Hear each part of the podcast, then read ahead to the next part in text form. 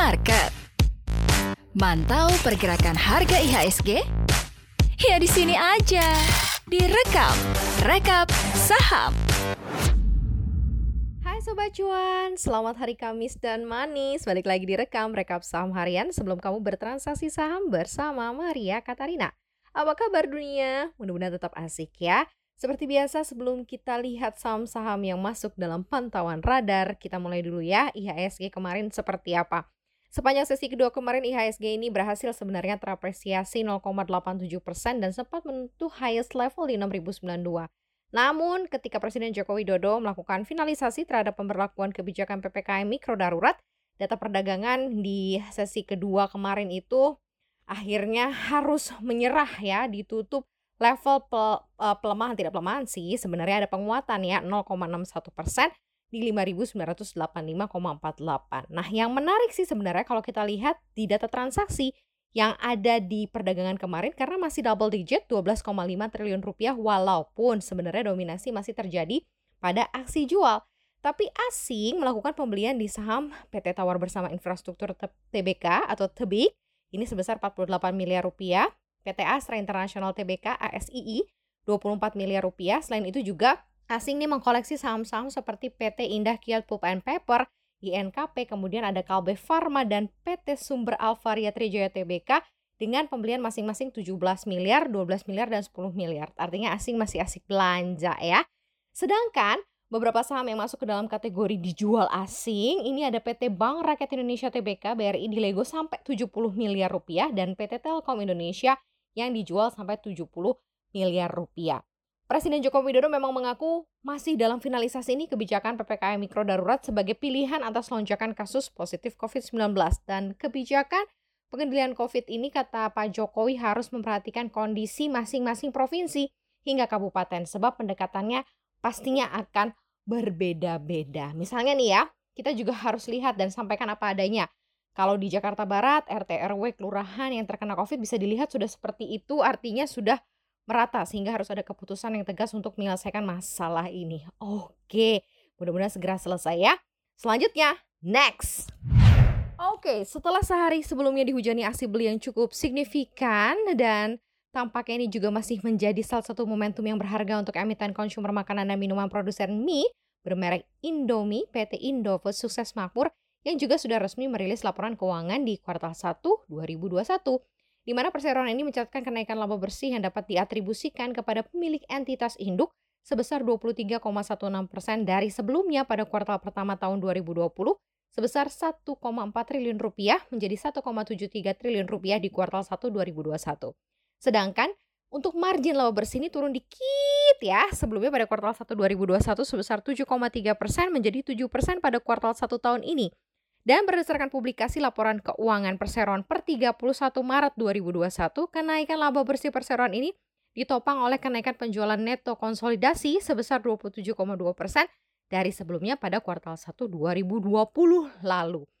Secara lebih rinci, ya you know lah ya, siapa yang gak suka segmen mie instan masih jadi penyumbang pendapatan terbesar untuk Indofood, yakni 71,99 persen atau sebesar 10,6 triliun rupiah Nah, di posisi kedua ada dairy ini ya, kayak susu-susuan begitulah berkontribusi 2,36 triliun rupiah dan ada segmen penyedap makanan mencapai 900 miliaran rupiah. Makanan ringan juga sama, pos minuman juga memberikan uh, memberikan kontribusi yang juga besar dan yang paling penting ada uh, segmen nutrisi dan makanan khusus nih ya yang menyumbang hampir sekitar kurang lebih 200 miliar rupiah.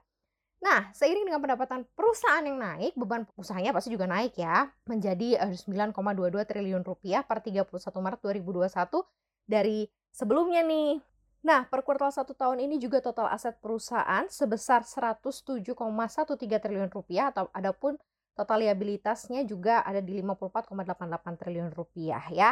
Dan kalau dilihat dalam rilis pers perusahaan Direktur Utama dan Chief Executive Officer ICBP Anthony Sally mengatakan bahwa pandemi COVID-19 yang sudah berlangsung selama lebih dari satu tahun ini agak-agak mempengaruhi situasi pasar. Katanya gini, kami senang bahwa ICBP ini dapat mengawali tahun 2021 dengan baik, tapi kami akan terus fokus untuk mempertahankan keunggulan dan meningkatkan kepercayaan konsumen terhadap merek-merek produk kami, baik di pasar domestik maupun juga luar Indonesia serta menyediakan lingkungan kerja yang aman bagi para karyawan Indofood yang secara keseluruhan gitu ya masih harus terproteksi karena masih ada kondisi pandemi. Oke, nah sobat cuan, anda tahu nggak bahwa Indofood ini secara year to date sepanjang tahun ini nih masih terkoreksi loh 0,8 persen. Begitu juga dengan anak usahanya ICBP yang terkoreksi 14,88 persen. Secara penasaran kan ini sebenarnya adalah sektor consumer yang seharusnya bisa dilihat. Dan satu lagi, siapa sih yang nggak suka Indomie? Kamu suka, aku juga suka ya. Nah mungkin bisa dilirik sebagai salah satu acuan juga untuk bisa di watchlist di portofolio saham kamu. Next. Ada emiten pengelola gerai Hypermart PT Matahari Putra Prima MPPA yang menyatakan adanya dampak kenaikan penjualan setelah terintegrasi dengan platform penjualan di Gojek dan Tokopedia. Hal ini disampaikan oleh Corporate Secretary MPPA Dani Konjongian yang mengungkapkan bahwa perseroan ini mencatatkan pertumbuhan penjualan dua kali lipat melalui platform online di masa pandemi COVID-19. Khususnya satu minggu terakhir ya, sudah 8% loh dari total penjualan. Nah, Hypermart sendiri menawarkan ragam pilihan produk ya, mulai dari grocery, produk segar, dan juga barang-barang elektronik. Dan penjualan online melalui platform Tokopedia memberikan kinerja yang sangat baik ya, dan telah mencapai lebih dari 1.600 order penjualan dalam beberapa hari terakhir dengan tertinggi 1.900 order penjualan dalam satu hari. Wow, don't beat the technology ya. Udah enak banget emang tinggal pesan-pesan ya. Nah, untuk mengenjot penjualan di platform online, saat ini Hypermart dalam tahap integrasi untuk melakukan penjualan online melalui platform GoMart. Katanya sudah ada 30 store yang terintegrasi dan ke depan akan ada 76 store lagi yang akan terintegrasi dengan GoMart katanya. Seperti diketahui, Gojek ini kan sudah jadi salah satu pemegang saham MPPA ya setelah membeli saham PT Multipolar TBK MLPL pengendalinya MPPA dan MLPL sendiri ini juga sudah melepas kepemilikan saham MPPA kepada tiga investor ya ini ada Panbridge Investment ngambil porsinya 3,33 persen kemudian PT Pradipa Darpa Bangsa 4,76 persen dan perusahaan ini nih Pradipa bergerak dan berdomisili di Jakarta Selatan dan bergerak di bidang jasa aktivitas profesional ilmiah teknis ya di mana ini dimiliki uh, oleh Gojek sebesar 99,9% dan PT Dompet Aplikasi Karya Anak Bangsa kurang lebih sekitar 0,04%. So, MLPL dalam radar. Anda lihat deh, sepanjang tahun ini apresiasinya sudah mencapai 864,79%. Jadi baru ikut swing kemarin naik arah-arah beberapa kali, ternyata ini sudah terpantau oleh market dari tahun lalu. Kemudian MPPA sendiri begitu ya, sebagai salah satu uh, saham retail ternyata sudah terapresiasi 904,7 persen sepanjang tahun ini. Jadi semua yang tersentuh oleh digital tampaknya menjadi emas. So, kita ke saham selanjutnya. Next.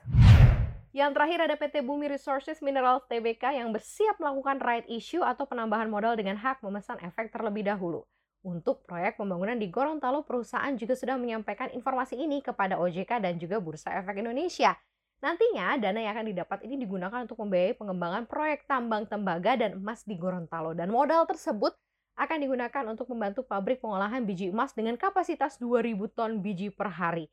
Selain itu juga akan digunakan pula untuk pembangunan sarana penunjang seperti tempat pembuangan sampah, kolam pengendapan, kemudian magasin peledak, pembangkit tenaga listrik, dan lain-lain. Nah, anak usaha PT Bumi Resources ini juga akan melakukan pengeboran prospek emas ya untuk menambah cadangan biji di lokasi tambang emas Motomboto, Gorontalo.